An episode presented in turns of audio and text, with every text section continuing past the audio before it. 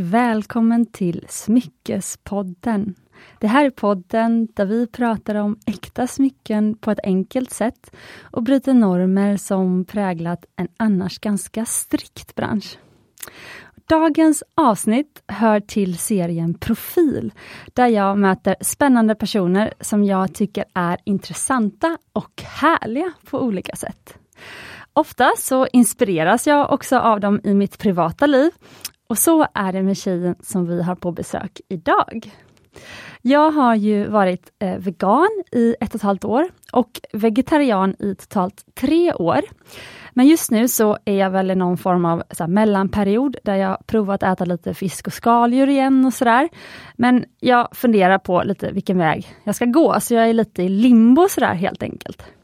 Men när jag först började intressera mig för växtbaserad kost, så var det mycket till hjälp av just den här tjejen och hennes allra första kokbok, The New Green Salad. Och den gav mig ett helt nytt sätt att laga mat på. Det blev liksom kul att stå i köket. Och sen dess så har den här tjejen släppt ännu fler kokböcker. Hon har varit en av receptkreatörerna för Food Pharmacy och skriver även recept för Två dagar, som är Göteborgs-Postens helgbilaga.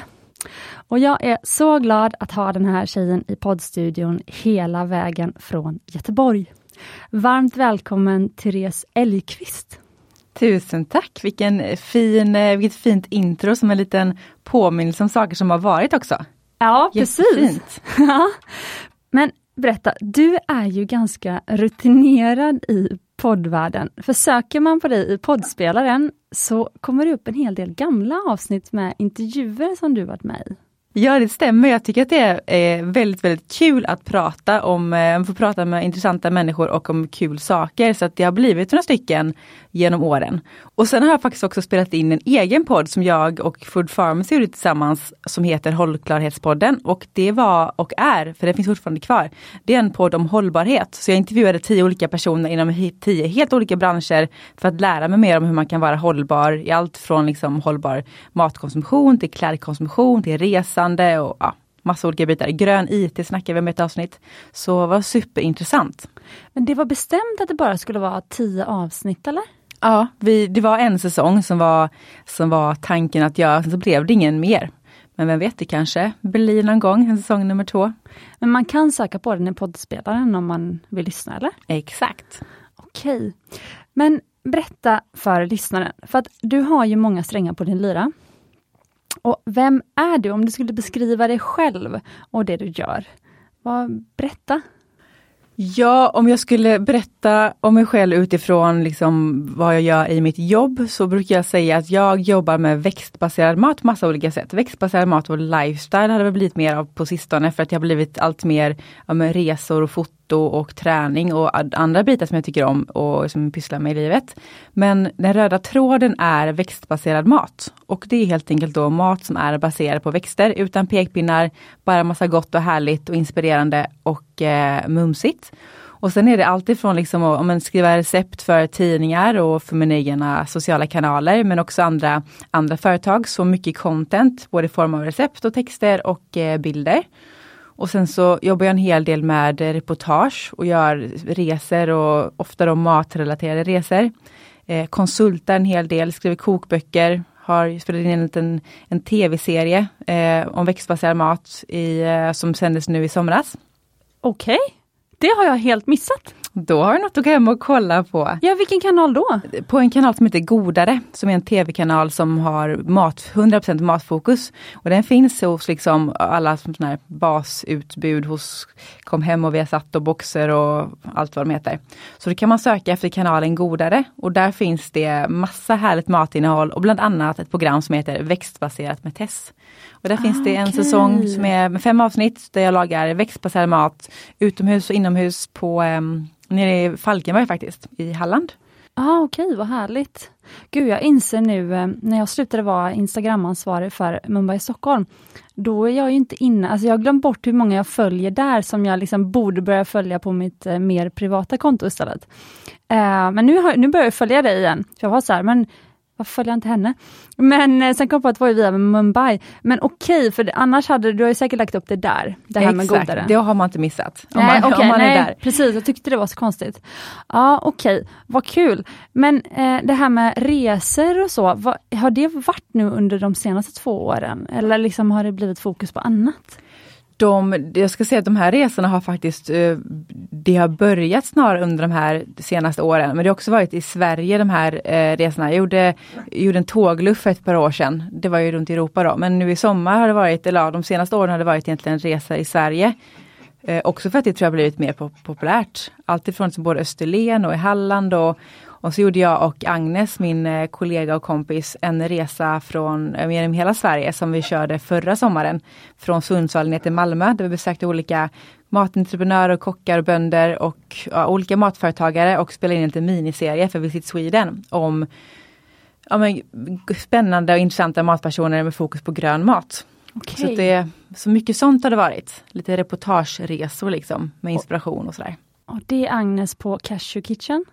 Nej? Eh, det är äh, Ang äh, Undanflykter-Agnes. Ah, okej! Okay. Fotograf-tjej. Ja, ja okej. Okay. Ah, ja, så det är du som kockar och så fotar hon och mm. filmar och så? Exakt.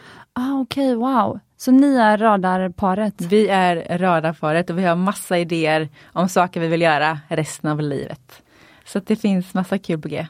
Men berätta, vad är ditt mål med allt det här? För det kan ju tyckas spretigt samtidigt som att det har ju med växt, alltså med, med matlagning att göra. Det är ju det du får betalt för kan jag tänka mig. Förutom de här resorna och sådär.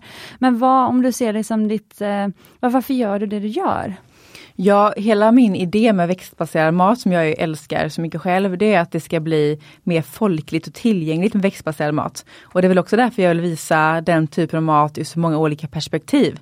Allt ifrån hemmamiddagen eller när man går ut och käkar på restaurang. Jag har också en, på min hemsida finns det en plant-based food guide med växtbaserade kaféer, restauranger, frukostställen, eh, krogar i hela Sverige som, eh, som då har riktigt god växtbaserade, växtbaserad mat och fika och sådär.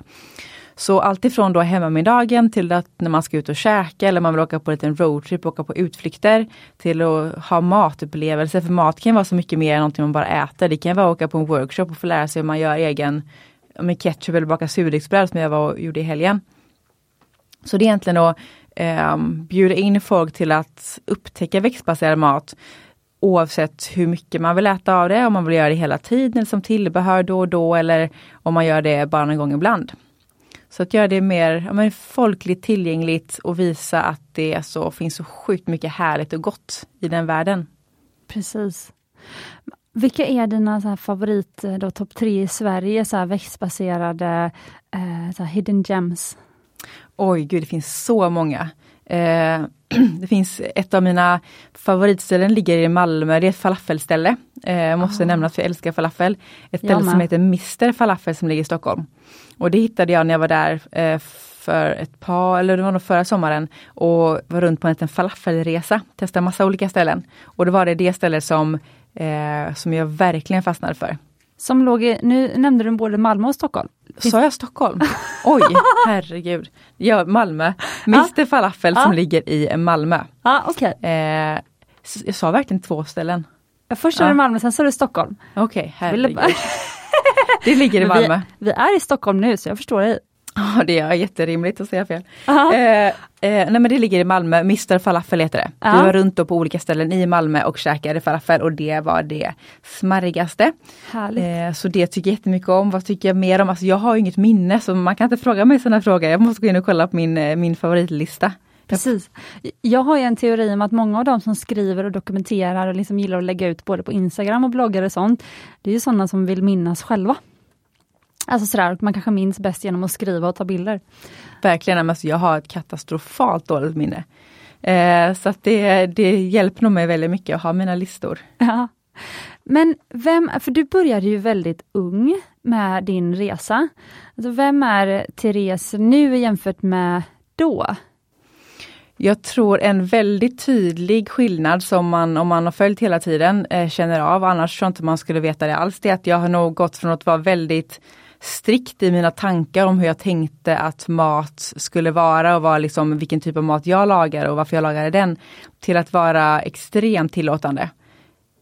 Så det skulle jag säga är den stora skillnaden. Och sen så har det såklart inneburit att jag kanske lagar lite annan typ av mat också än vad jag gjorde tidigare och sådär. Men, eh, och det är extremt skönt för mig själv och sen så är det också, det är den personen jag vill vara som förmedlar det som jag förmedlar nu. Med liksom en tillåt, ett tillåtande sätt att snacka om mat och att inspireras snarare än att liksom berätta lite mellan raderna vad som är rätt och fel. För det är sånt jag är så trött på själv. Precis. Så det är en ganska stor förändring och det tycker jag med förändringar generellt att man inte ska vara, eller jag vill inte vara rädd för att förändras. För jag tycker att när man går genom livet, och det låter som att jag tror att jag är jättegammal, det är jag inte, men när man går genom livet att tillåta sig själv att förändras oavsett om det gäller vad man vill göra eller vem man vill vara med eller hur man vill klä sig eller vad det än kan vara. Att man, att man inte tänker, att man aldrig någonsin stoppas av tanken, men jag är ju en sån person. Utan vill man testa en ny, en ny hobby eller ett nytt sätt att äta eller en ny plats att bo på eller vad det än kan vara så, så borde man göra det. Tycker jag. Exakt. Men hur gammal är du idag? Idag är jag 30 år gammal. Ja, 30. Ja, så ung och redan släppt typ tre böcker minst. I alla fall tre som jag vet om. Eh, men, men hur började du med matlagning? Hur började din resa? Matresan har maten alltid eh, eh, funnits med. Jag har alltid älskat mat. Jag är uppväxt i en familj där mat alltid varit väldigt centralt. Och där det har varit så mycket mer än någonting man bara äter för att överleva. Det har varit liksom fredagsmys och lördagsfrukostar och picknickar i skogen och mycket utflykter, mycket utematlagning och mycket bufféer när vi har haft släktträffar och när de fyller år i trerätters och sådär. Också när vi har rest med min familj har maten alltid varit central även vid utlandsresor och resor runt om i landet. Så att mat eh, är liksom, ligger mig varmt om hjärtat, det kommer nog väldigt naturligt med blodet. Mm. Och sen var det helt enkelt när jag Ja, när jag sen jag pluggade mediekommunikation och så hade vi praktik en termin och då sökte jag mig eh, till, jag tror inte det var min första, första stället jag hörde av mig till, var tidningen Buffé, ICAs kundtidning. Mm. Och så hamnade jag där för att jag alltid haft en romantiserad bild av en tidningsredaktion, alltid velat skriva och sådär. Så då hamnade jag där och kände dag ett att jag har hamnat rätt. Oj, okej! Okay. Och det var ju nu då sex eller sju år sedan. Så den här romantiserade bilden av tidningsredaktionen, stämde den? Ja, det tycker jag verkligen. Det var otroligt. Den romantiserade bilden utspelade sig nog oftast i New York visserligen. Men eh, Stockholm funkade fint. Ja, okay. som, eh, liksom, som stand-in i alla fall. Än så länge. Okej, okay, du drömde om New York då? Ja, men jag har sett väldigt mycket filmer och läst väldigt mycket böcker om liksom hippa tidningsredaktioner i New York där det var liksom, spännande nyheter och det var härliga, härliga vyer och sådär. Så ah. det, det var nog det som var ultimata drömmen. Ja, ja jag förstår. Men eh, när du var liten då, fick du liksom vara med i köket med, var det både mamma och pappa som lagade mat eller var det någon av dem? Det, nej, det ska jag säga att det var framförallt mamma. Ja, eller okay. nästan uteslutande mamma. Men vi har alltid varit med väldigt mycket och bakat och lagat och sådär. Jag och mina systrar. Eh, för lagade hon den typen av mat som du lagar idag? Nej, jag är uppväxt med väldigt sånt traditionellt liksom svennebananmat. Verkligen. Men sen, eh, och var extremt kräsen när jag var liten, så åt väldigt, väldigt lite. Eh, väldigt, väldigt lite grönt överhuvudtaget liksom. Men sen så var det bara en dag som jag, alltså det låter jättelökigt, men jag vaknade upp en dag på gymnasiet och bara kände att jag var extremt sugen på alla grönsaker som jag någonsin kunde komma att tänka på. Och sen så blev det bara en sån helomvändning, att jag började laga extremt mycket grönt. För jag hade lagat mycket mat innan med, men då blev det som mer och mer grönt och sen så när, i takt med att jag insåg att det finns så sjukt mycket möjligheter och härliga goda saker att laga och äta, så fanns det liksom inte plats för något annat. Men hur kände du att du hittade den för jag tycker ju, alltså du hjälpte ju mig väldigt mycket. Jag tror när jag hade bestämt mig för att eh, äta växtbaserad kost så var det Cecilia Davidssons böcker och sen var det din bok som jag köpte. Och då kände jag för första gången att det här var ett sätt att bygga upp så här härliga färgglada grönsaksrika rätter eh, som inte var sallader. Som var liksom, kunde vara någon grönsaksbiff som visserligen tog en stund att laga men sen var det ju liksom världens reward när man fick äta det.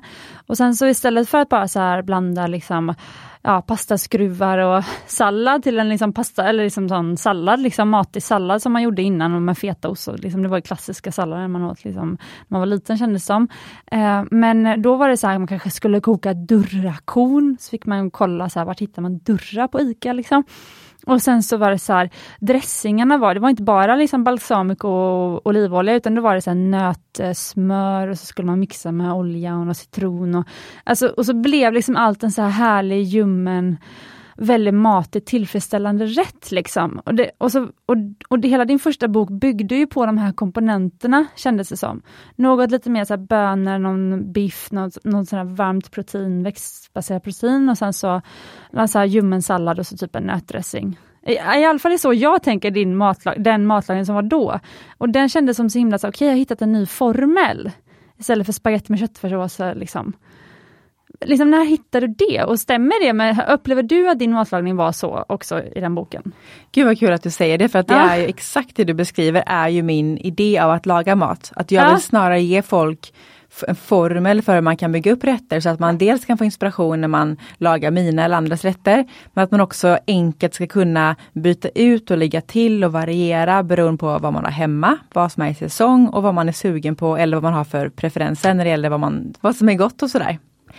Så det har helt enkelt bara varit ett sätt för mig att bygga upp rätter och eh, ett sätt som jag tycker har varit smidigt att visa för fler. Exakt. Men för jag är så nyfiken på, hur hittade du, för du sa ju det här att du började addera fler för grönsaker i din kost och sådär. Var, var det någon gång på gymnasiet då? Eller liksom, ja, mm. På gymnasiet, precis. Ja. Eh, och så, sen, men vem fick du inspiration av? Alltså hur hittade du det här nya sättet att laga väldigt så här, eh, grön kost på som inte bara var eh, liksom en grönsallad? Ja, bra fråga. Jag har alltid älskat att titta på matprogram och alltid älskat att kolla i kokböcker och sen så tror jag att redan då, precis som det funkar nu när jag lagar mat och gör rätter, det är så att jag ofta får inspiration eh, från olika platser och sen så lägger ihop det till rätter. Som jag kanske äter någon jättegod pizza någonstans där jag befinner mig och sen så är jag eh, på ett annat ställe, kanske hemma hos en vän som bjuder på en god pesto och sen så är jag på ett tredje ställe där jag kanske ser att någon har gjort eh, tillagat morot på ett gott sätt. Då lägger jag liksom ihop och tänker att vänta lite nu, den där moroten plus den där peston på pizzan som jag gjord på det här viset, det skulle bli väldigt, väldigt gott. Så det är ofta så som eh, mina recept blir till. Att jag tänker, men nu vill jag ha en pasta och sen så den där såsen kan vara god till den här och sen så vill jag ha något, liksom, någon tofu till. Ja, men den tofun på det här viset vet jag kommer bli god. Så att eh, jag tror att så.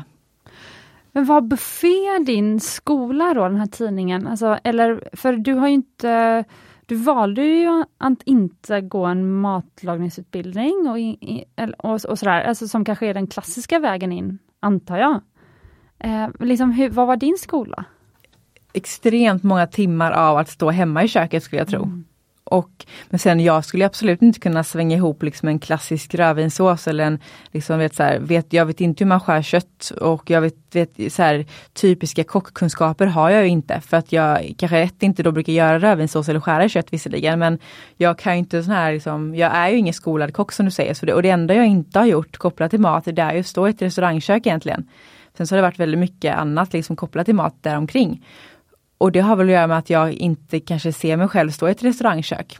Sen hade jag för sig jättegärna, det är en dröm som jag eh, har kvar och jobbar emot, att någon gång öppna ett ställe. Kanske inte då en kvällsrestaurang men någon sån här härligt frukost, brunch, lunchställe. Exakt. Så det kommer någon gång tänker jag. Um, men då, eftersom att jag, min grej är ju liksom den kreativa matbiten, jag kan ju absolut ingenting om att som, som styra en restaurang eller rodda med allting annat. Så tänker jag mig att då får man para ihop sig med någon som är bra på det. För ja, det, är också, det är någonting som jag verkligen lärt mig de här senaste åren. att jag har hellre fler eh, projekt igång med saker som jag tycker är roligt och sen jobbar med folk som är bra på sin grej. Så jag kan göra det som jag tycker är kul och är bra på. Och sen låta andra släppa in andra så att de kan få göra sin grej. För att då blir det oftast väldigt, väldigt mycket bättre och spar väldigt mycket onödig energi som annars tas från mig när jag försöker göra saker som jag är helkast på. För hur gick du sen från buffé till att plötsligt släppa din kokbok? Hur gick den resan till? Jag tänker det är många på buffé och så plötsligt så blir du liksom en star of your own och liksom plötsligt släpper en bok. Liksom. Grejen var att när jag var klar med buffé så tog jag också examen då från Halmstad där jag pluggade och så hade jag kommit in på en utbildning i Göteborg, en någon typ så här näringskosttjofräs eh, på GU som jag då var tanken att jag skulle läsa ett år till, så blev det som en magister heter det väl då, i liksom, som jag bara skulle bygga på min kommunikationsutbildning. Och så var jag där i tre dagar och kände bara att nej, Ja, och det här pallar inte jag. Nej. Så då hoppade jag av där och eh, typ googlade starta eget företag och sen så gjorde jag helt enkelt det. Och sen så, jag kunde absolut ingenting om företagen i början. Jag var på en sån här Skatteverkets startup-grej på i åtta timmar. Där man bara satt och Ja. fick lära saker om skatt och moms. Jag visste knappt vad moms var. Och så det, mycket, i början var det mycket sånt, byggde en egen hemsida, satt liksom och slet mig själv i håret och googlade mig fram till man byggde en hemsida och skapade en mailadress och sådana här grejer. Och sen så eh, hade jag då en häftig mail, eh, eller den, det, liksom, det lät häftigt, mailen lät cool för den lät liksom företags, företagsamig. Ja, vad var det då? Jag menar alltså att jag, att jag fixade en mail så att det hette liksom, för då hette min hemsida mitt namn bara, Therese Elkvist. Så då hette liksom mailen typ hello at thereselkvist.com. Ja, det var inte Therese Elfqvist att gmail. Nej precis, utan Ja. jag tog, jag tog det snäppet vidare för jag Ja, tänkte att det här wow. måste framstå som professionellt. och sen så la jag till någon häftig mailsignatur i slutet och någon liten logga och sen så började jag då mejla ut till folk som jag hade träffat under buffétiden. Där jag sa liksom, och då, då satt jag, för då har jag flyttat hem från Stockholm, så då bodde jag mellanlandade hos mina föräldrar eh, i några månader och då satt jag liksom eh, i skräddarställning i deras soffa i myskläder bara såhär, jaha, då ska vi se, hur startar man företag? Och satt där och mejlade ut till massa folk och sa att nu för jag finns här, jag kan göra det här, skicka ut massa idéer till höger och vänster. Herregud, så vilket självförtroende. Ja, det var verkligen så här fake it until you make it kan man väl säga. Men fantastiskt, du hade ju något att säga då, mm, alltså från hjärtat liksom. Det här måste ut. Verkligen, och, jag, och det här var ju också, ska jag väl säga, för jag tror att, jag var, att det var väldigt bra tajmat, för det här var, ja, jag kommer aldrig ihåg ifall det var sex eller sju år sedan, men sex, sju år sedan, då var det liksom, det var på den tiden när vegetarisk till och med var så här, hmm, kan vi inte ha lite fisk i alla fall? Och jag var ganska Ah. tydlig med att nej, det ska, andra kan göra det, men min grej är att det inte ska vara en sån, för jag vill visa att det kan vara gott med grönsaker. Så jag var väldigt noga med början att liksom, jag visste att det kommer gynna mig i slutändan om jag är väldigt hård med detta. Att, att Supersmart. liksom nischa mig som den person som är bra på grönt. Och sen så ett av de här mejlen som jag skickade iväg då var till en eh, PR-person på Bonnier som jag hade träffat på något mingelevent med under buffétiden. Och det jag helt enkelt skrev, eh, typ hej jag har en idé och också i början och faktiskt än idag, det här ska jag nog inte avslöja egentligen, men Nej. än idag så kan det vara så att jag, ibland händer det att jag skickar iväg idéer till folk och säger Hej jag har en jättebra idé, du måste höra om det här, har du en kvart att ge mig? Och sen så då har jag inte, alltså jag kanske har början på en idé, men jag har absolut ingen idé att pitcha för någon. Men jag, liksom, jag, jag skickar ut den här, säljer in den här kvarten och då ofta får jag kanske ett eh, ja. Och då vet jag att okej, okay, hopplan hejsan, nu måste jag då ta fram den här idén eh, för att då tvingas jag göra det. Och så var det lite då i början också att jag skickade iväg många mejl varav detta då till Bonnier. Jag sa, hej jag har en bokidé, eh, hur går jag tillväga? Typ. Och sen så svarade hon mig och sa att egentligen ska man skicka in till en manusgrupp. Ja, men du kan testa att mejla den här förläggaren. Hon kommer kanske inte ha tid att svara men gör det ändå. Och så mejlade den här förläggaren, eh, krafsade ihop liksom ett, en pitch med idéer och liksom ett moodboard och varför den här boken behövs därför att och så här kommer boken förändra marknaden och bla bla bla. Sålde in den liksom. Och sen så eh, fick, jag, fick jag träffa den här kvinnan och sen så eh, fick jag, hade jag kontakt med henne och sen så lite några, några veckor senare så hörde hennes kollega av sig som då var, liksom hade hand om hälsoböckerna på eh, Bonnier. Eller hälsoämnena. Och som då skrev ett mejl till mig och sa Hej, jag hör om din bokidé från min kollega och jag undrar ifall du vill skriva en bok för oss. Oj! Och det här var Gud, liksom jag blir kanske, i magen här. Ja, men alltså den, den, det var otroligt eh, när jag fick det mejlet. Och, och det här var då som sagt fortfarande under den tiden jag satt skräddare i, i liksom pyjamasbyxor i mina föräldrars soffa. Och eh, lekte företag. Så att eh, Ja, jag sitter i skräddarställning här på, podd, på, i, på poddstolen.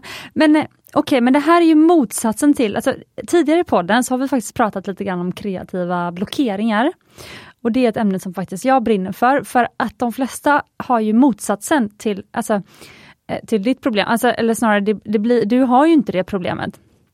Utan det är just det här att man inte vågar för man ska tänka ut idén helt klart först. Alltså, och du är mer så här, får en känsla och sen så liksom slänger ut det, som det här mejlet du skickade, som inte var en färdig idé, men då känner jag också att dels är det ju så här, gud vilken härlig grej, och det är precis så man ska göra, liksom, för då händer det uppenbarligen grejer.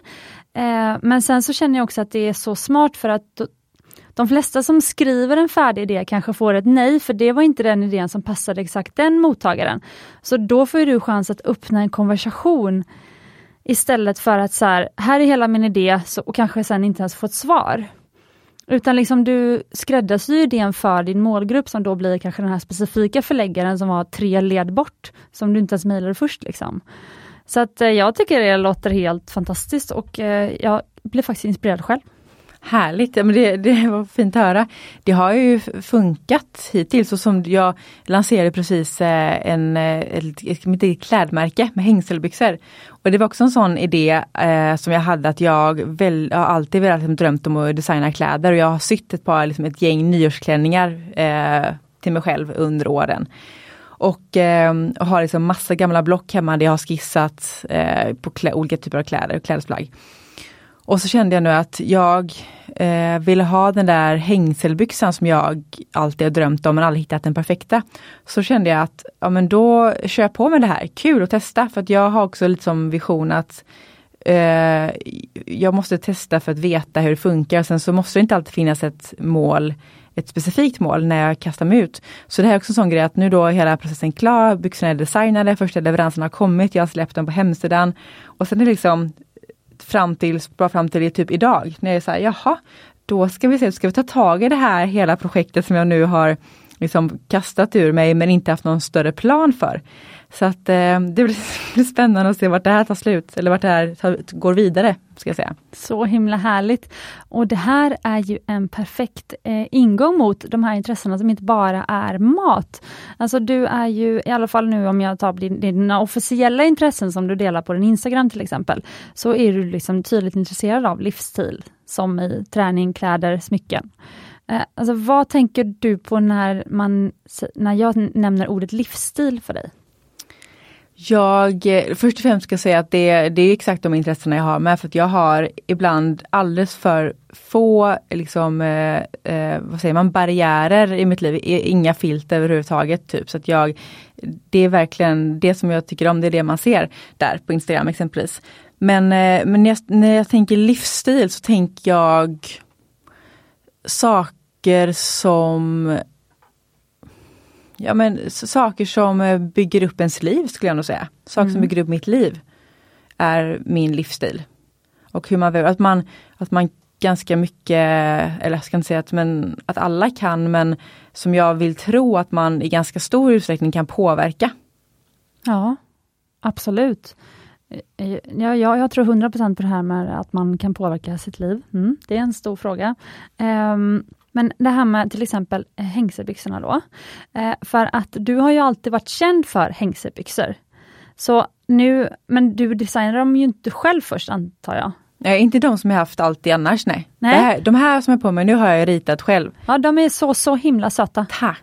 Och det är liksom en kombination av alla andra, kanske tio hängselbyxpar jag haft genom åren som jag har hemma. Och jag ser liksom ja, men byxan från det plagget med hängslena från det plagget och liksom V-ringen i ryggen från det plagget. Kanske lite som du tänker när du designar smycket, att man tar, man ser liksom saker man tycker om från olika, inspireras för att skapa det som man själv tycker är den ultimata kombinationen. Exakt så, och det är egentligen det som är bra design, eller jag eh, tittade på att um ja, det var någon tv-avsnitt mm, eh, med en känd eh, arkitekt.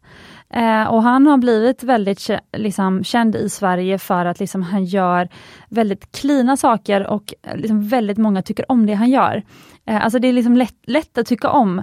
Eh, och sen så, så att det, liksom, det är inte den mest eh, superuppseendeväckande designen, men allt är så klint att alla vill bo i hans hus. Liksom. Um, så han får ju väldigt mycket privatbostäder, liksom den typen av uppdrag. Jag kan säga vad han heter, Andreas Martin Löv heter han. Eh, och det här tv-programmet så berättar han hur han tänkte när han designade, och, eh, eller liksom designade hus, och då sa han att jag tittar väldigt mycket på vad andra har gjort, alltså jag studerar bra arkitekter. Liksom, hur har de gjort den lösningen, hur har de gjort så? Och sen så liksom sätter han ihop det till sin egen variant och, och så väljer han bara det bästa. Eh, och då blir det ju Alltså, så istället för att uppfinna hjulet så, alltså, så studerar han och, och plockar ut detaljerna. Han ser de detaljerna som gör det, riktigt, det som, som blir riktigt bra. Mm. Det blir som en kurator nästan. Precis och det, och det tänker jag, det är svårt att skapa någonting idag som, som absolut inte har funnits på något vis tidigare. Exakt. Utan det handlar om då som du säger att göra det på sitt sätt för att inte som copycatta någon såklart. Det är ju aldrig skönt på något sätt. Men att hitta de små detaljerna som man tillsammans eh, använder för att skapa sin grej. Ja, men jag tror också det blir tydligare för att det svåraste tycker jag är att starta sin, eller göra sin första produkt. För när du inte har någon referensram eh, bland dina egna produkter, då måste du använda andra referensramar.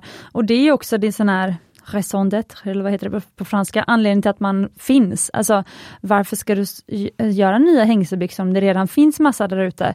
Jo, för att ah, ingen har perfektionerat hängselbyxorna. Så det vill jag göra nu, så de andra kanske inte ens kommer behövas i framtiden. Då är liksom, finns det en anledning till att du liksom tar ut den här nya produkten på marknaden. Och det liksom gör folk som gillar hängselbyxor ännu gladare för att äntligen finns det perfekta paret. Så får man tänka om sin egen produkt.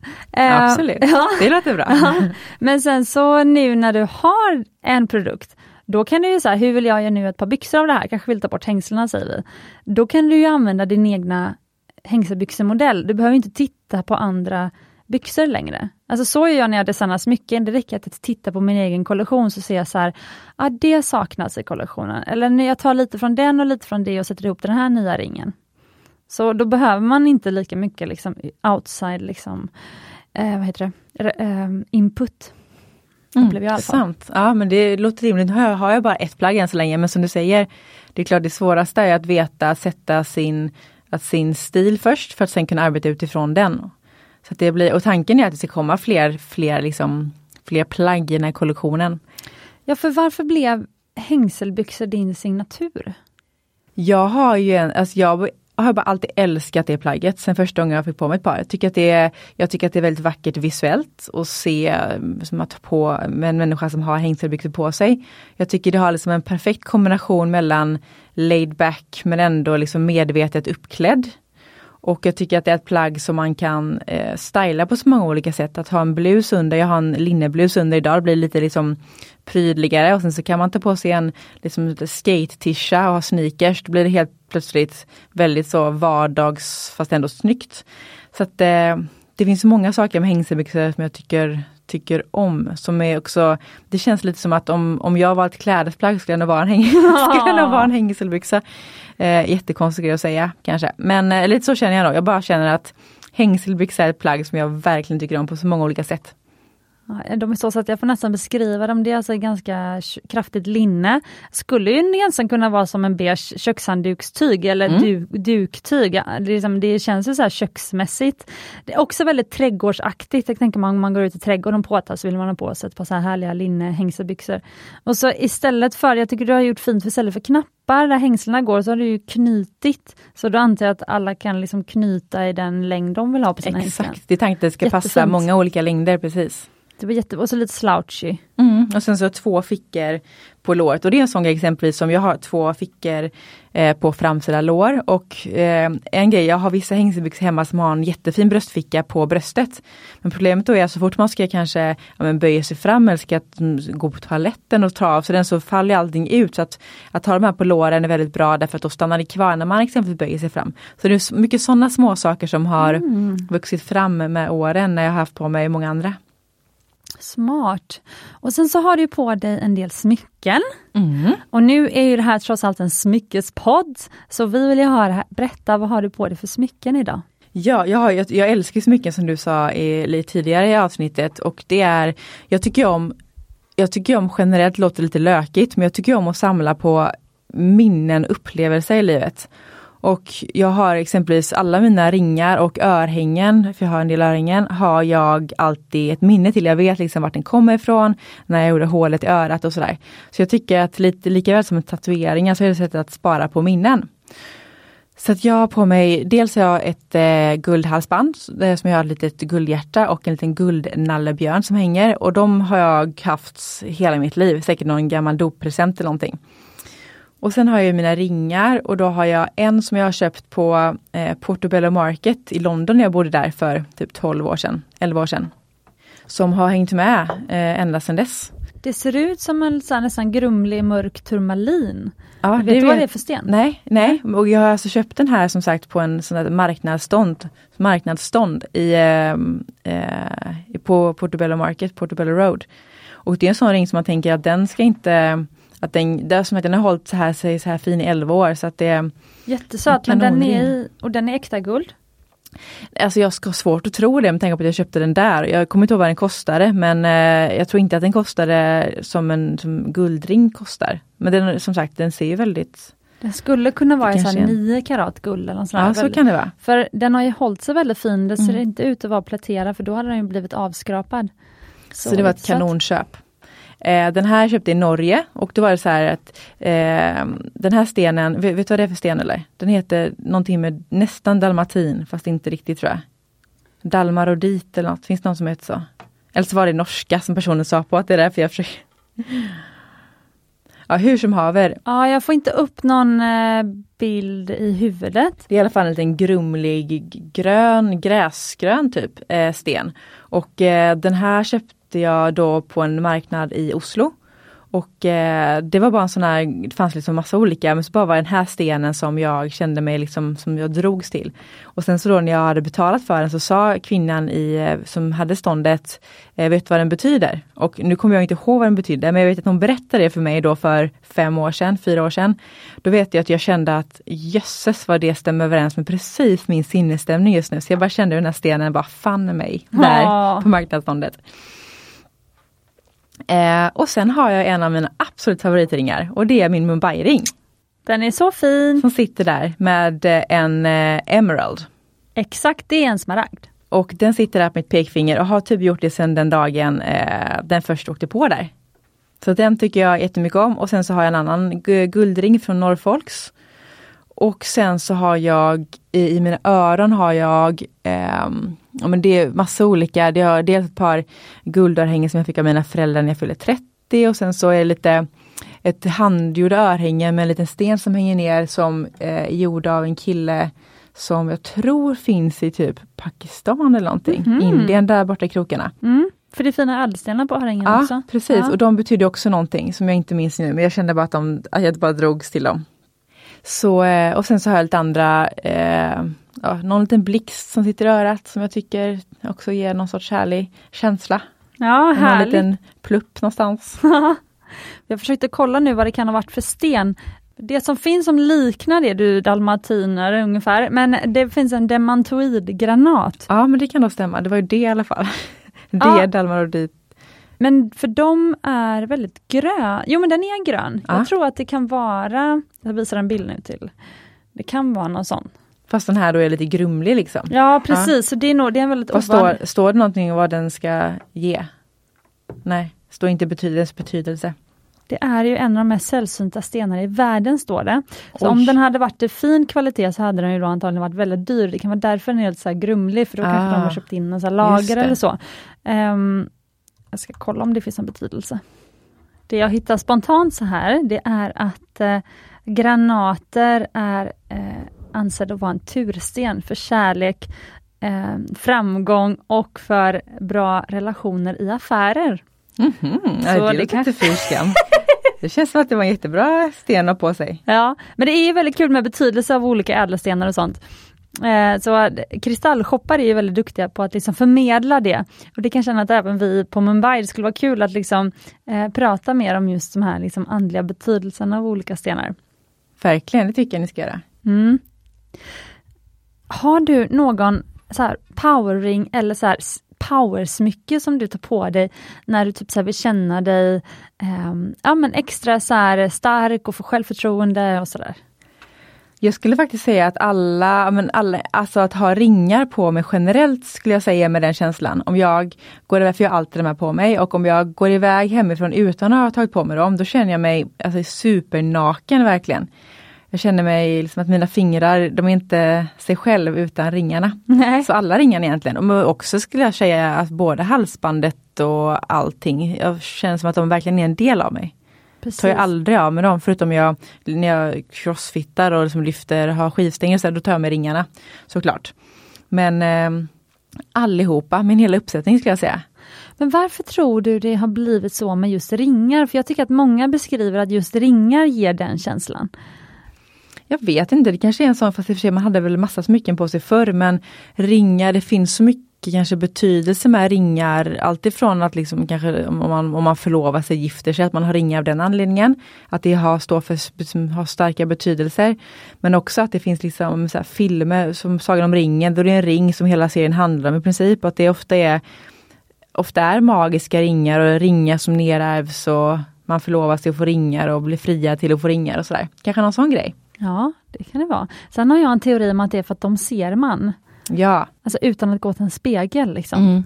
Att man ser dem själv ja. ja. ja. och att de är lätta att ta på och av för att eh, alltså jag, ibland kan jag inte få på mig, alltså vissa armar kan jag inte få på mig utan att få hjälp. Nej, alltså ringar precis. kan man ju ta på sig ja, utan att få hjälp. Liksom. Så ja, det har jag tänkt på. Så kan det säkert vara. Ja, men märker du, för du för när du lagar mat och sådär, och även i dina kokböcker och så, du, liksom, du använder ju mycket liksom, din stil och dina smycken och liksom det du har på dig för att förmedla liksom, känslan kring maten. Märker du att du får mycket liksom, kommentarer kring det från följare och sådär? Ja, man ser ju ofta som att händerna ofta syns när det lagas mat och sådär. Så, eh, och jag, jag, har alltid på mina ringar, sen kan folk tycka vad de vill om det, men det är oftast bara jag som äter maten så då behöver folk inte var inte oroliga. Men jag tänker med att ha, för jag har ofta alltid ringarna på mig, om jag typ inte bakar såklart, då brukar jag ta med dem. Men, så ringarna syns ju ofta. Um, och det blir nog en liten både igenkänningsfaktor men också att det blir en del av det hela. Och jag tycker också det är väldigt fint med mycket ringar. Och det är en stil tänker jag, att ha ringar liksom på många olika fingrar. Um, så det, det är säkert en del av liksom den, ens personliga, eller min personliga stil.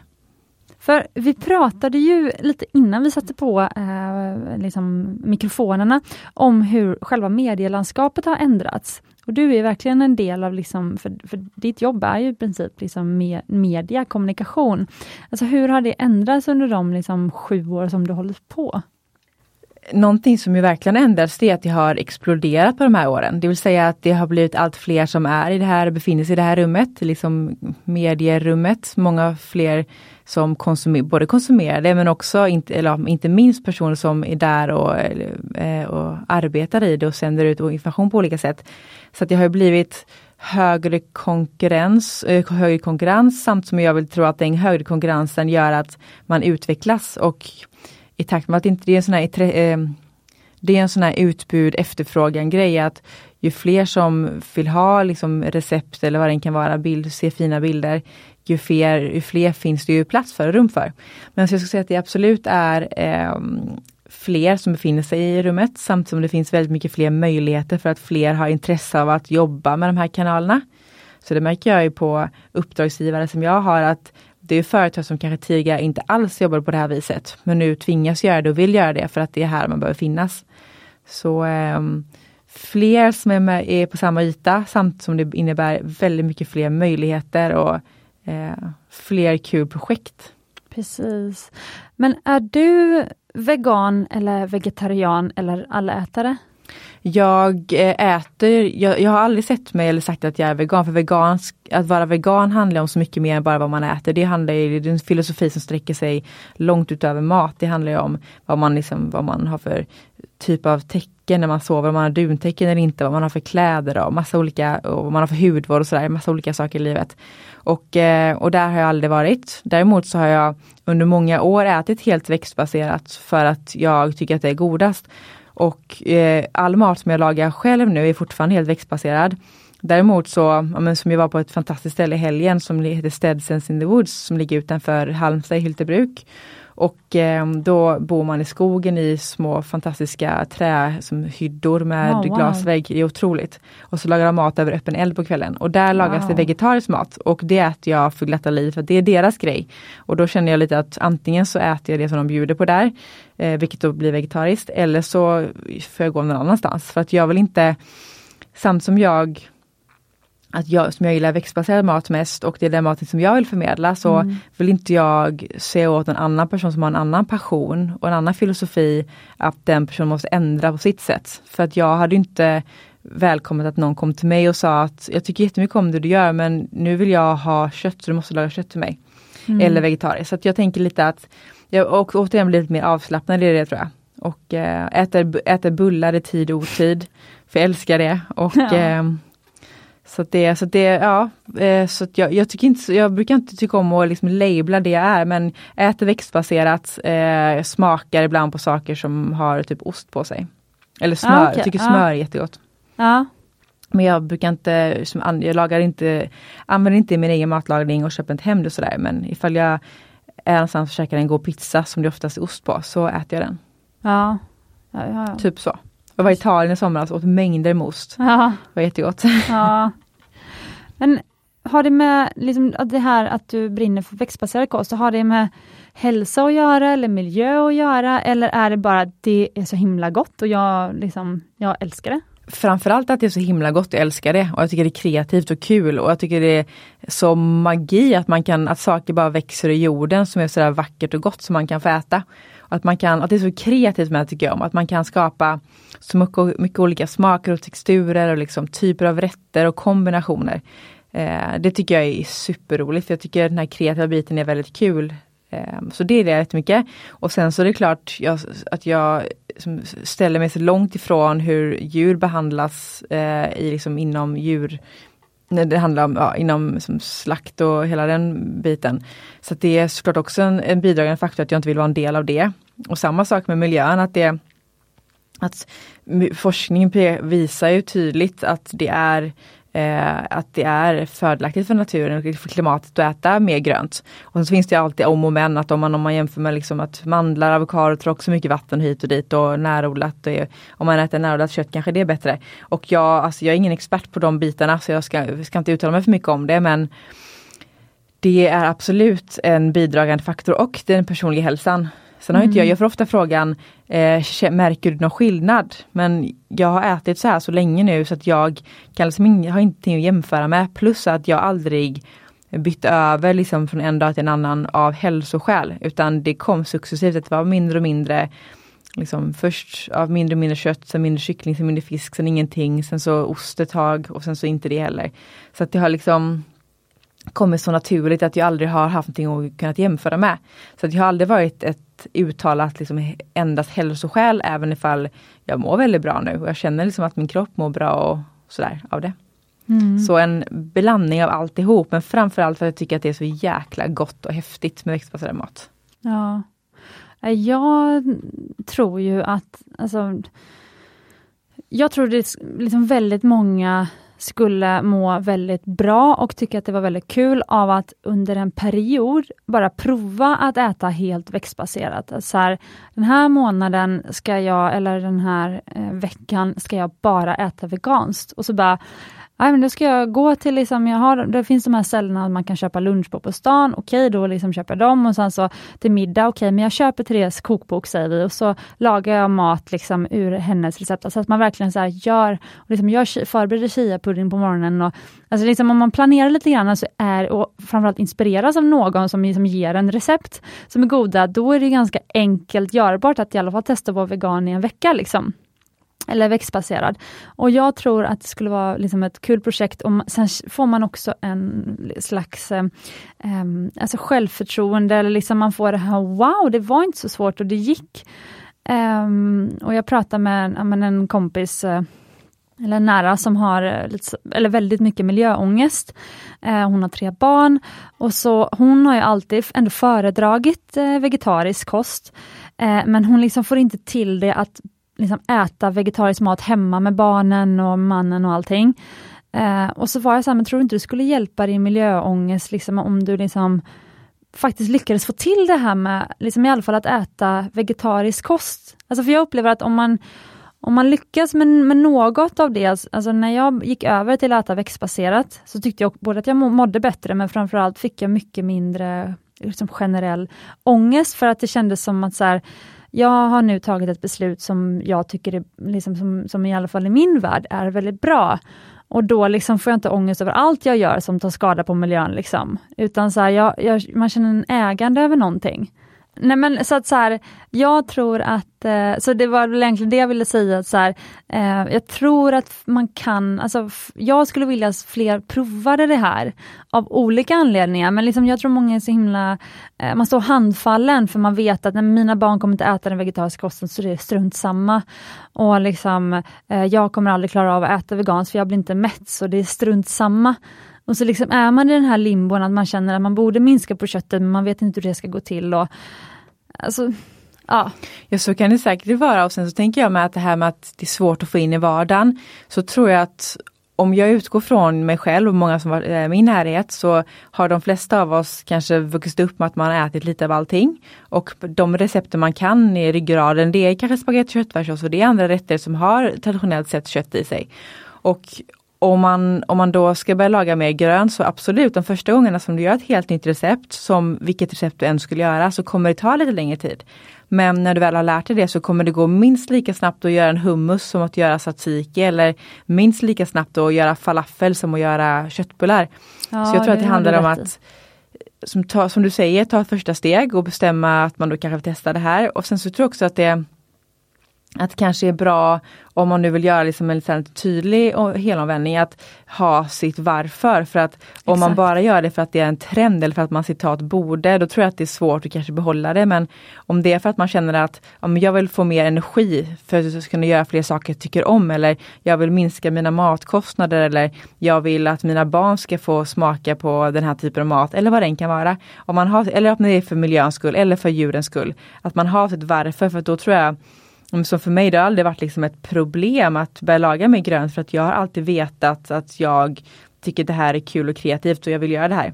Exakt. Så dels tror jag att eh, låt det ta lite, få ta lite tid i början. Det kommer bli smidigare sen om man tycker att det är svårt i början. Och två, eh, gör det för din skull är egentligen sammanfattningen på det jag sa innan. Att mm. Gör det för att, uppenbar, för att du verkligen vill och mår bra av det. Inte för att, inte för att tvinga dig själv.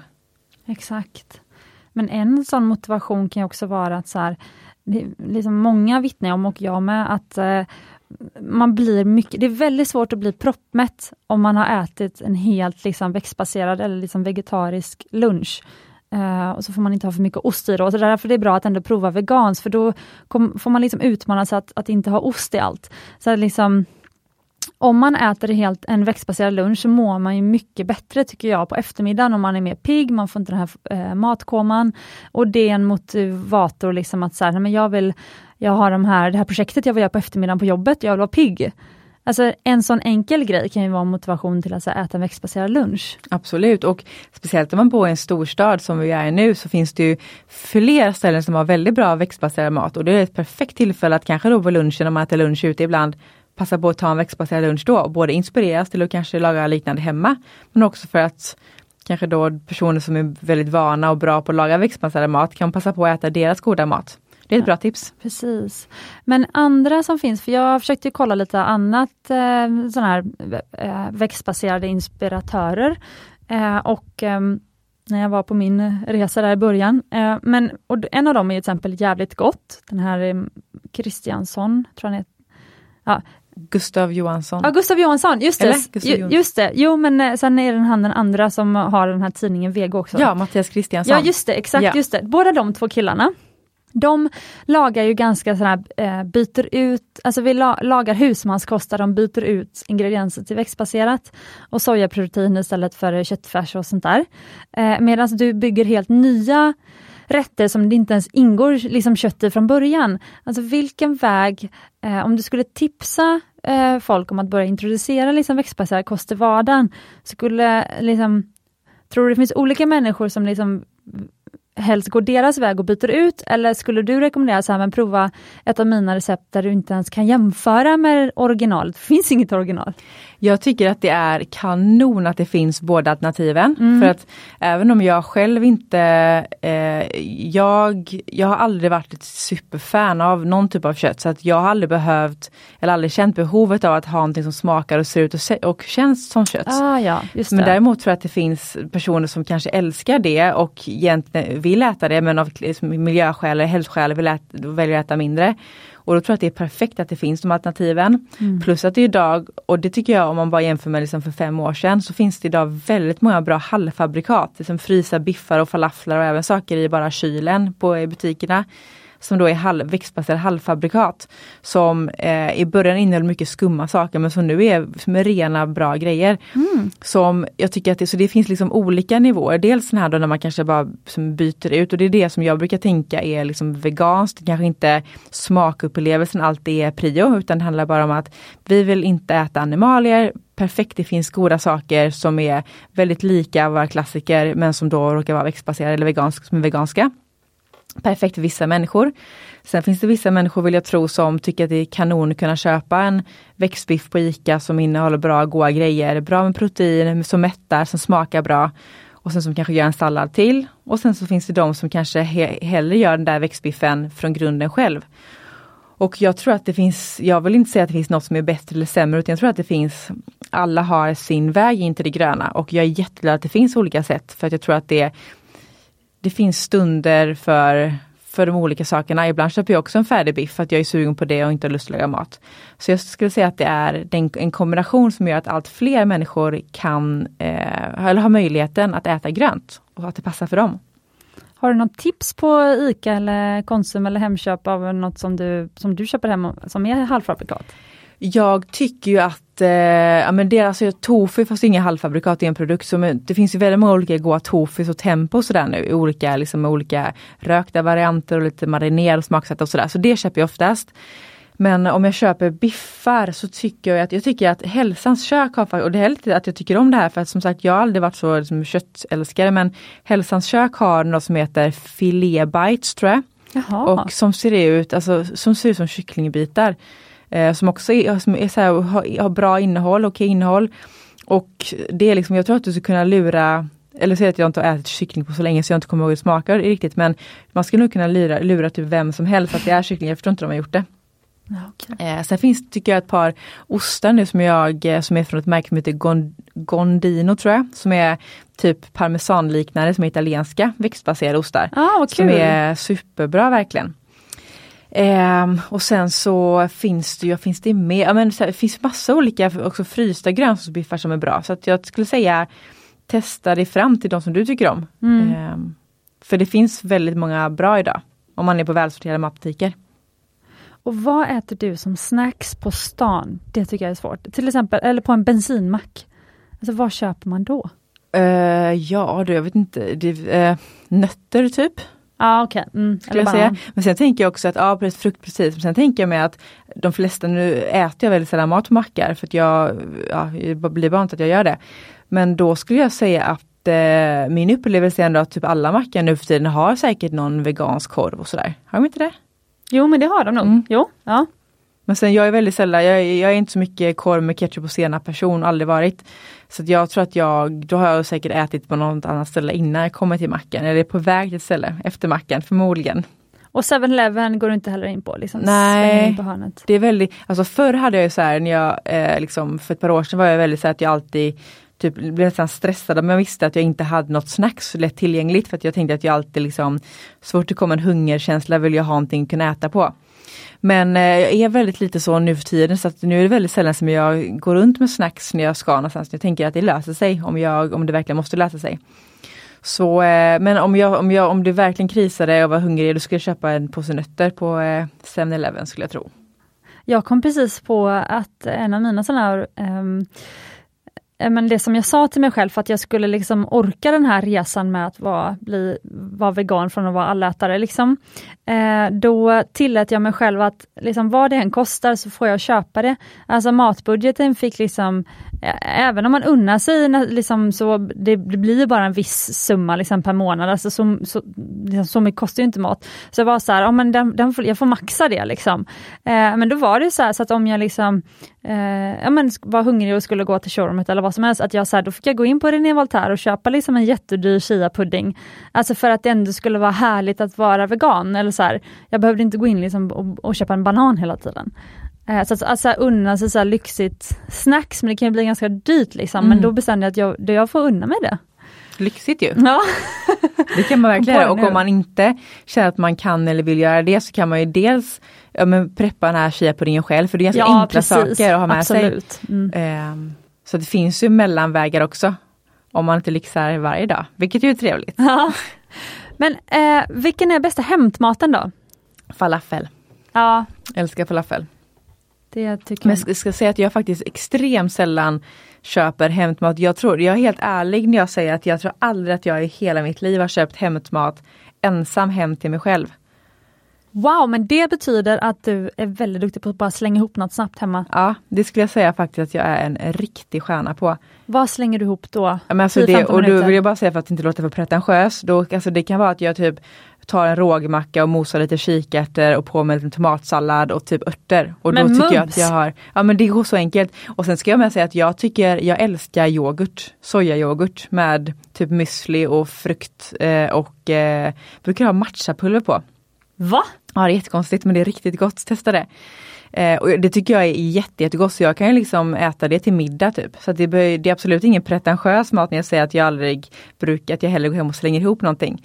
Eh, och sen ska jag också säga att jag har ju ett, ett skafferi och ett kylskåp som i princip alltid är knöfullt med grejer. Vilket Ja. gör att det oftast, eller inte alltid ska jag säga om jag inte om jag är, slänger runt lite men att det ska fall, det finns ofta, går ofta bara att slänga ihop någonting av enkla saker för att det ofta finns saker hemma. Och det är såklart då en, eh, det är en fördel om man bara vill kasta ihop något snabbt.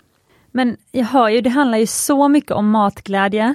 För grejen är, när du då öppnar skafferiet, då ser ju inte du bara en tråkig tetra med kikärtor. Då ser ju du den här eh, rågmackan med mosade kikärtor, tomat, eh, tjohej och eh, salt på. Alltså att se det framför sig, nu blev ju jag hungrig, nu blir jag sugen på det. Alltså det är ju den glädjen som man vill ha, det är de bilderna man vill ha på näthinnan och inte bara öppna sitt skafferi och bara åh nej, och så bara, jag köper indiskt. Nej precis, även om indiskt såklart också är gott och trevligt att köpa om man Ja, har någon bra indier nära sig. Men, eh, nej, men jag tror, att- sen tror jag med att det har, det handlar inte om att, men som vi var inne lite på innan, det handlar inte om att uppfinna hjulet varje gång utan Nej. jag vet ju att om jag vill kasta upp någonting snabbt då har, kanske jag har tre olika rätter som jag gör. Antingen så gör jag en matig gröt, alltså som en typ risotto fast jag har havrebas. Som jag kan toppa med, liksom, ja, men det kan vara tomater, det kan vara svamp, det kan vara grönkål, det kan vara spenat, det kan vara rostade rossaker, det som finns hemma. Eller så gör jag kanske en hummusskål. Då gör jag bara en god hummus, kletar ut den eller smetar ut den på en, i en skål och toppar med kanske lite leftover sallad eller hacka upp lite tomater, kanske ha en halv avokado kvar hemma. Lite rosta lite rotsaker snabbt och massera lite grönkål. Eller så gör jag mat i macka. Så att det är liksom det är, om jag har mina tre standardgrejer så vet jag att jag behöver inte varje dag tänka liksom okej vad ska vi göra idag? Utan jag har alltid mina tre go-to som jag kanske utgår ifrån. Så smart. Det borde... de, kan- det kan vara olika för olika människor. För vissa människor kanske det är en pasta. Pasta kan ju gå extremt snabbt att göra om man har liksom, ingredienserna hemma. Det kan ju ta tio minuter att svänga upp en god pasta. Så att om man har sina sådana liksom, tre, eller hur många man nu vill ha, grund, snabba grundrecept så kan man variera dem väldigt lätt och då få fram rätter väldigt, väldigt snabbt. Ja, det, du har så rätt. Eh, jag har ju en eh, som, jag bara, som, eh, alltså som är så himla god, som blivit min favorit och även min killes favorit, vilket är väldigt tur. Man får hitta favoriter ihop om man bor ihop med någon. Men det är, jag kokar svarta bönor i så umami-buljong och med så här soja och så. Och så får det koka ihop sig, det här är baserat på att jag lärde mig koka svarta bönor när jag bodde i Mexiko då. Men så får det koka ihop sig så blir det så här härligt krämigt. Och sen så kokar jag råris till. Och sen toppar jag det här alltså i en skål, typ som att det vore en tacoskål, taco bowl liksom med så här jalapenos, sån här salsa, vanlig tacosalsa och typ så här majs och morötter. Och det är som så här, alltså vi älskar det båda två. Låter ju väldigt, väldigt gott. Ja, äter du svarta bönor? Ja, Ja, men jag kokar dem väldigt sällan själv. Jag, jag köper Ah. ofta på Tetra. Sen brukar jo jag men det gör jag med. Ja, men jag kokar du dem, kokar dem ändå, okej. ja, typ en kvart med umami-buljong och soja. Ja, och, lite, testa. och lite gul lök då. Okej, det ska jag verkligen testa för att jag brukar faktiskt i ärlighetens namn, eh, mina go-to-bönor är vita stora bönor och kikärtor oftast som jag köper på Ja. Tetra. Svarta brukar jag ofta ha när jag gör eh, biffar, burgare. De är extremt Ja, bra att göra såklart. matiga, liksom, Just köttiga biffar med. Och hur, okej, då, nu kommer jag på en fråga som jag måste ställa. Det svåraste med att göra, vara vegan och inte vegetarian var att göra grönsaksbiffar för att det är så ofta ägg som är bindemedel. Alltså hur, eller så kör du chiaägg då? Hur gör du Eh, bra ibland biffar? chiaägg. Om jag gör, eh, en av mina favoritbiffar är att göra rödbetsbiffar. Och då Mhm. brukar jag ha havregryn i. Det river jag rödbetor, river lök. Det finns med i första boken. Det är, de, det är rödbetsbollar. Eh, men Oh, man kan också ja. göra dem till biffar. De gjorde jag aldrig. Ska jag hem och göra dem Det då? tycker jag ska göra hemma. Ja. Det vi göra ikväll. Ja. Och då är det här kikärtor där i. Eh, nej förlåt, jag har eh, rödbetor och havregryn och örter och lök och vitlök. Och då har jag chiaägg som binder ihop det. Och det är helt enkelt när man blandar chiafrön med lite lite vatten så det blir som en liksom geléklump typ. Det blir som en äggvita. Exakt. Eh, fast som inte är vispad utan bara som ett så här härligt klet. Ja. Och eh, men sen då exempelvis svarta bönbiffarna, då brukar jag inte ha någon bindning alls utan att ha svarta bönor och eh, havregrynen gör liksom att det, så mixar jag ihop det med en stavmixer eller med i en matberedare, liksom så blir det chunky. Då blir det så liksom kletigt av sig själv att det absolut inte behövs. Men kyler du dem alltid för att de inte ska gå sönder i stekpannan innan du... Äh, nej, rull- de nej. bara går inte sönder. Nej, du, du gör dem så rullar du Ja. och sen steker du direkt. Mm. Stek, platta till eller mixa, platta till eh, och stek. Och inte ha, jag, man ska helst inte tillsätta något vatten i för då kan de lätt bli för lösa. Eh, Mm. och sen som de då är lite för torra ska man hellre ha i lite olja brukar jag ha. Upplever jag att de blir bättre. Ah, smart, här får man lite hacks här. finns också eh, recept på hemsidan om man vill ha Black Bean Burgers. Ja, för du har inte funderat på att göra, nu gjorde du det här godare i då tv då i somras, men du har inte funderat på att ha så här Youtube-kanal? Jag eller? har ju claimat en Youtube-kanal så det finns ju en Plant Based by Tess Youtube-kanal. Ja. Det är cirka exakt noll videos där på.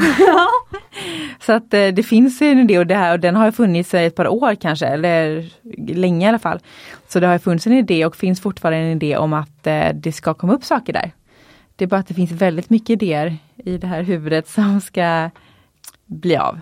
Ja, ja, jag Så det är mer det. Det finns Det en tid för allt vill jag tro. Det är kreatörens största problem, eh, största utmaning att eh, välja. Mm, verkligen.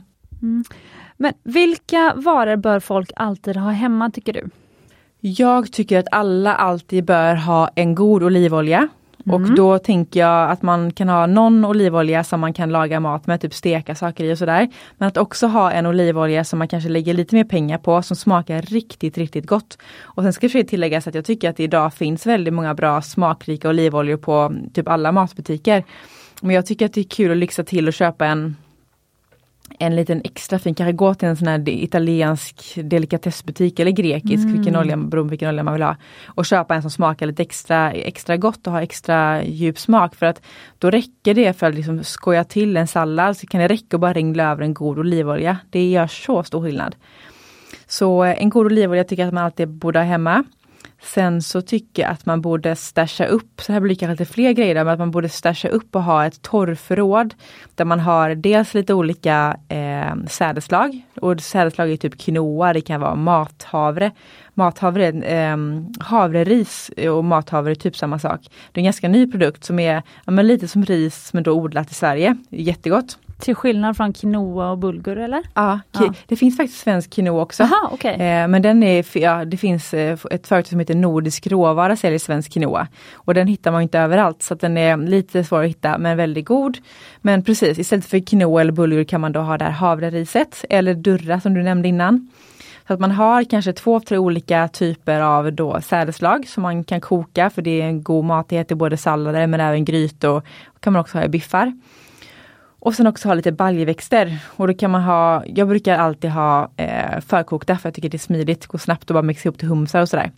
Sen finns det sådana som typ röda linser och bönor som man kan koka, typ favaböna som är en böna som också finns som odlas i Sverige bland annat.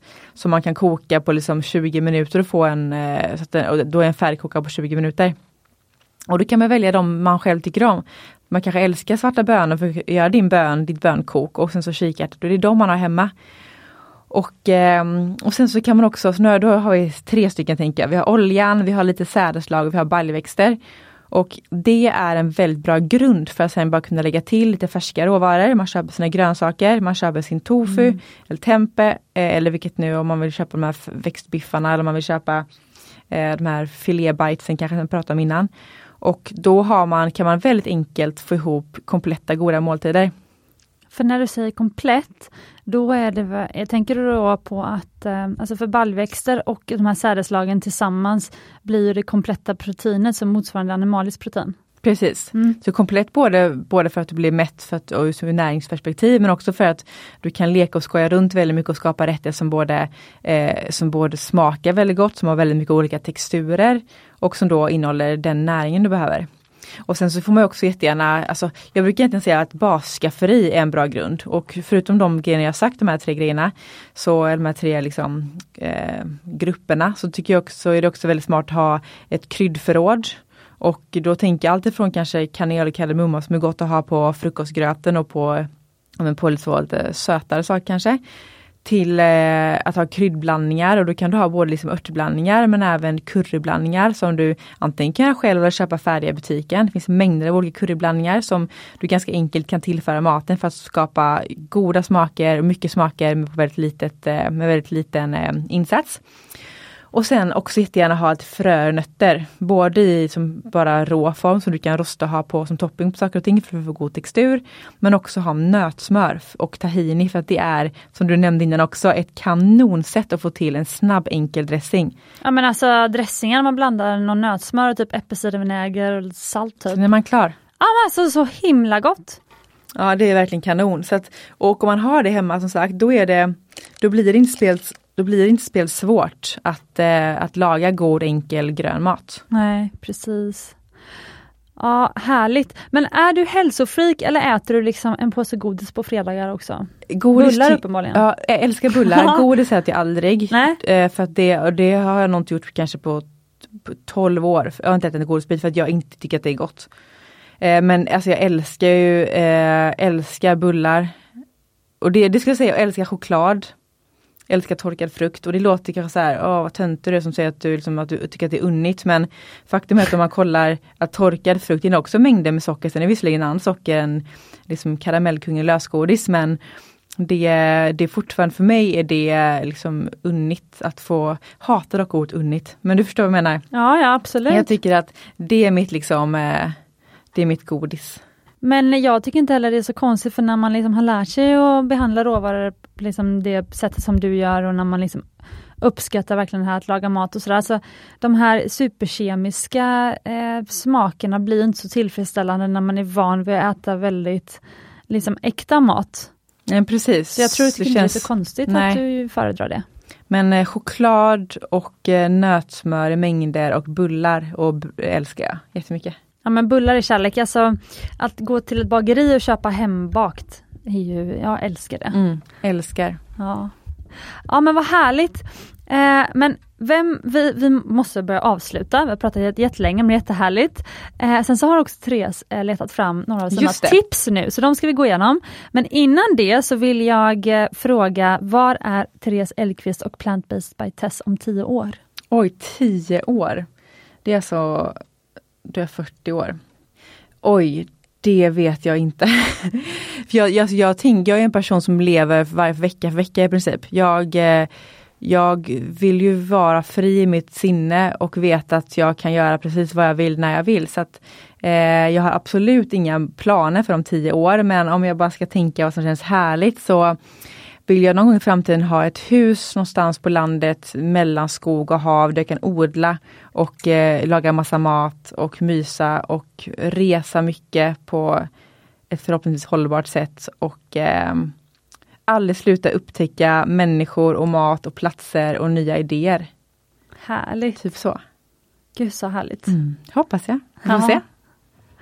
Ja, nu då är det dags för dina tips det är bara att köra. Yes, okej, okay. så att jag kan säga så här om man tycker att det kommer gå snabbt nu, jag kommer bara säga några stycken, men jag har som sagt en, eh, finns en eh, plant-based food guide på hem, min hemsida där mm. man kan se alla de här.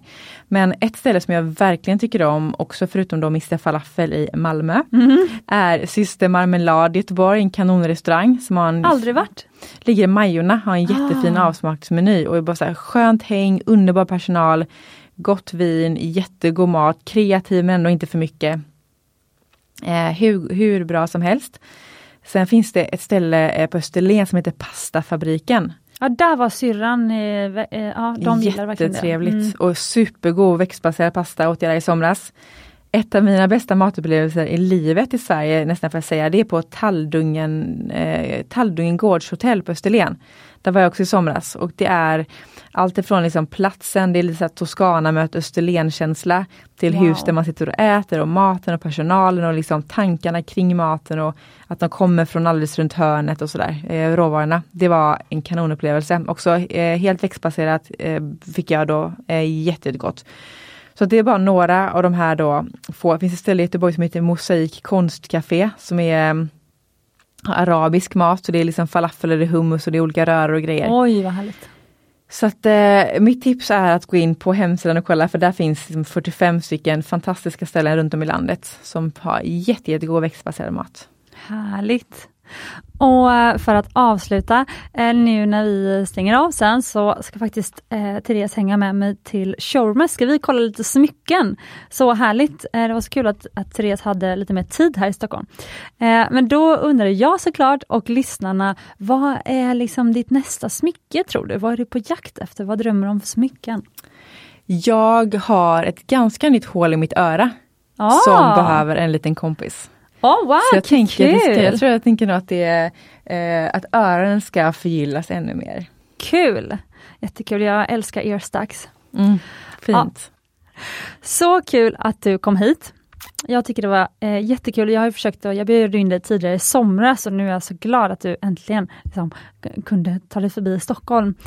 Eh, men är det något sista tips som du vill ge lyssnaren som nu har blivit ännu mer inspirerad att eh, ta in mer växter i sin kost? Att inte vara för rädd för att göra fel utan göra, utan bara liksom upptäcka och smaka och göra det på sitt sätt. Och låta sig inspireras. Och äta mat för att det är så jäkla gott. Och härligt. Exakt. Ja, Härligt. Och om folk blivit nyfikna nu och vill börja följa dig där, där du finns, hur gör de då?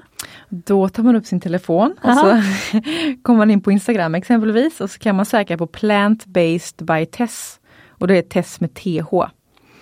Och där finns då eh, vad jag hoppas ska vara massa härlig matinspiration och inspiration kring annat som jag tycker är härligt i livet. Och en massa olika, det finns reseguider och tips och tricks och massa mys. Härligt! Jag har ju som sagt börjat följa det nu från mitt privata konto. Det är stort. Så, så jag kommer inte missa någonting nu. Nej. Jag kommer ha stenkoll, härligt! Ja. ja. stort tack er lyssnare också för att ni var med oss idag och eh, om ni har någon fråga till Tess eller om ni har någon kommentar om det här avsnittet, om ni vill att Teresa kommer tillbaka igen kanske, så skriv till, ni kan skriva direkt till Tess såklart, men Smyckespodden finns också på Instagram och jag tycker det är så himla kul när ni skriver att åh vilket bra avsnitt och vilken härlig gäst och så vidare. Så att gör gärna det. Och glöm inte att du är värd äkta smycken och massa god mat. Vilken kombination! Perfekt! Ja, hej då! Hej då!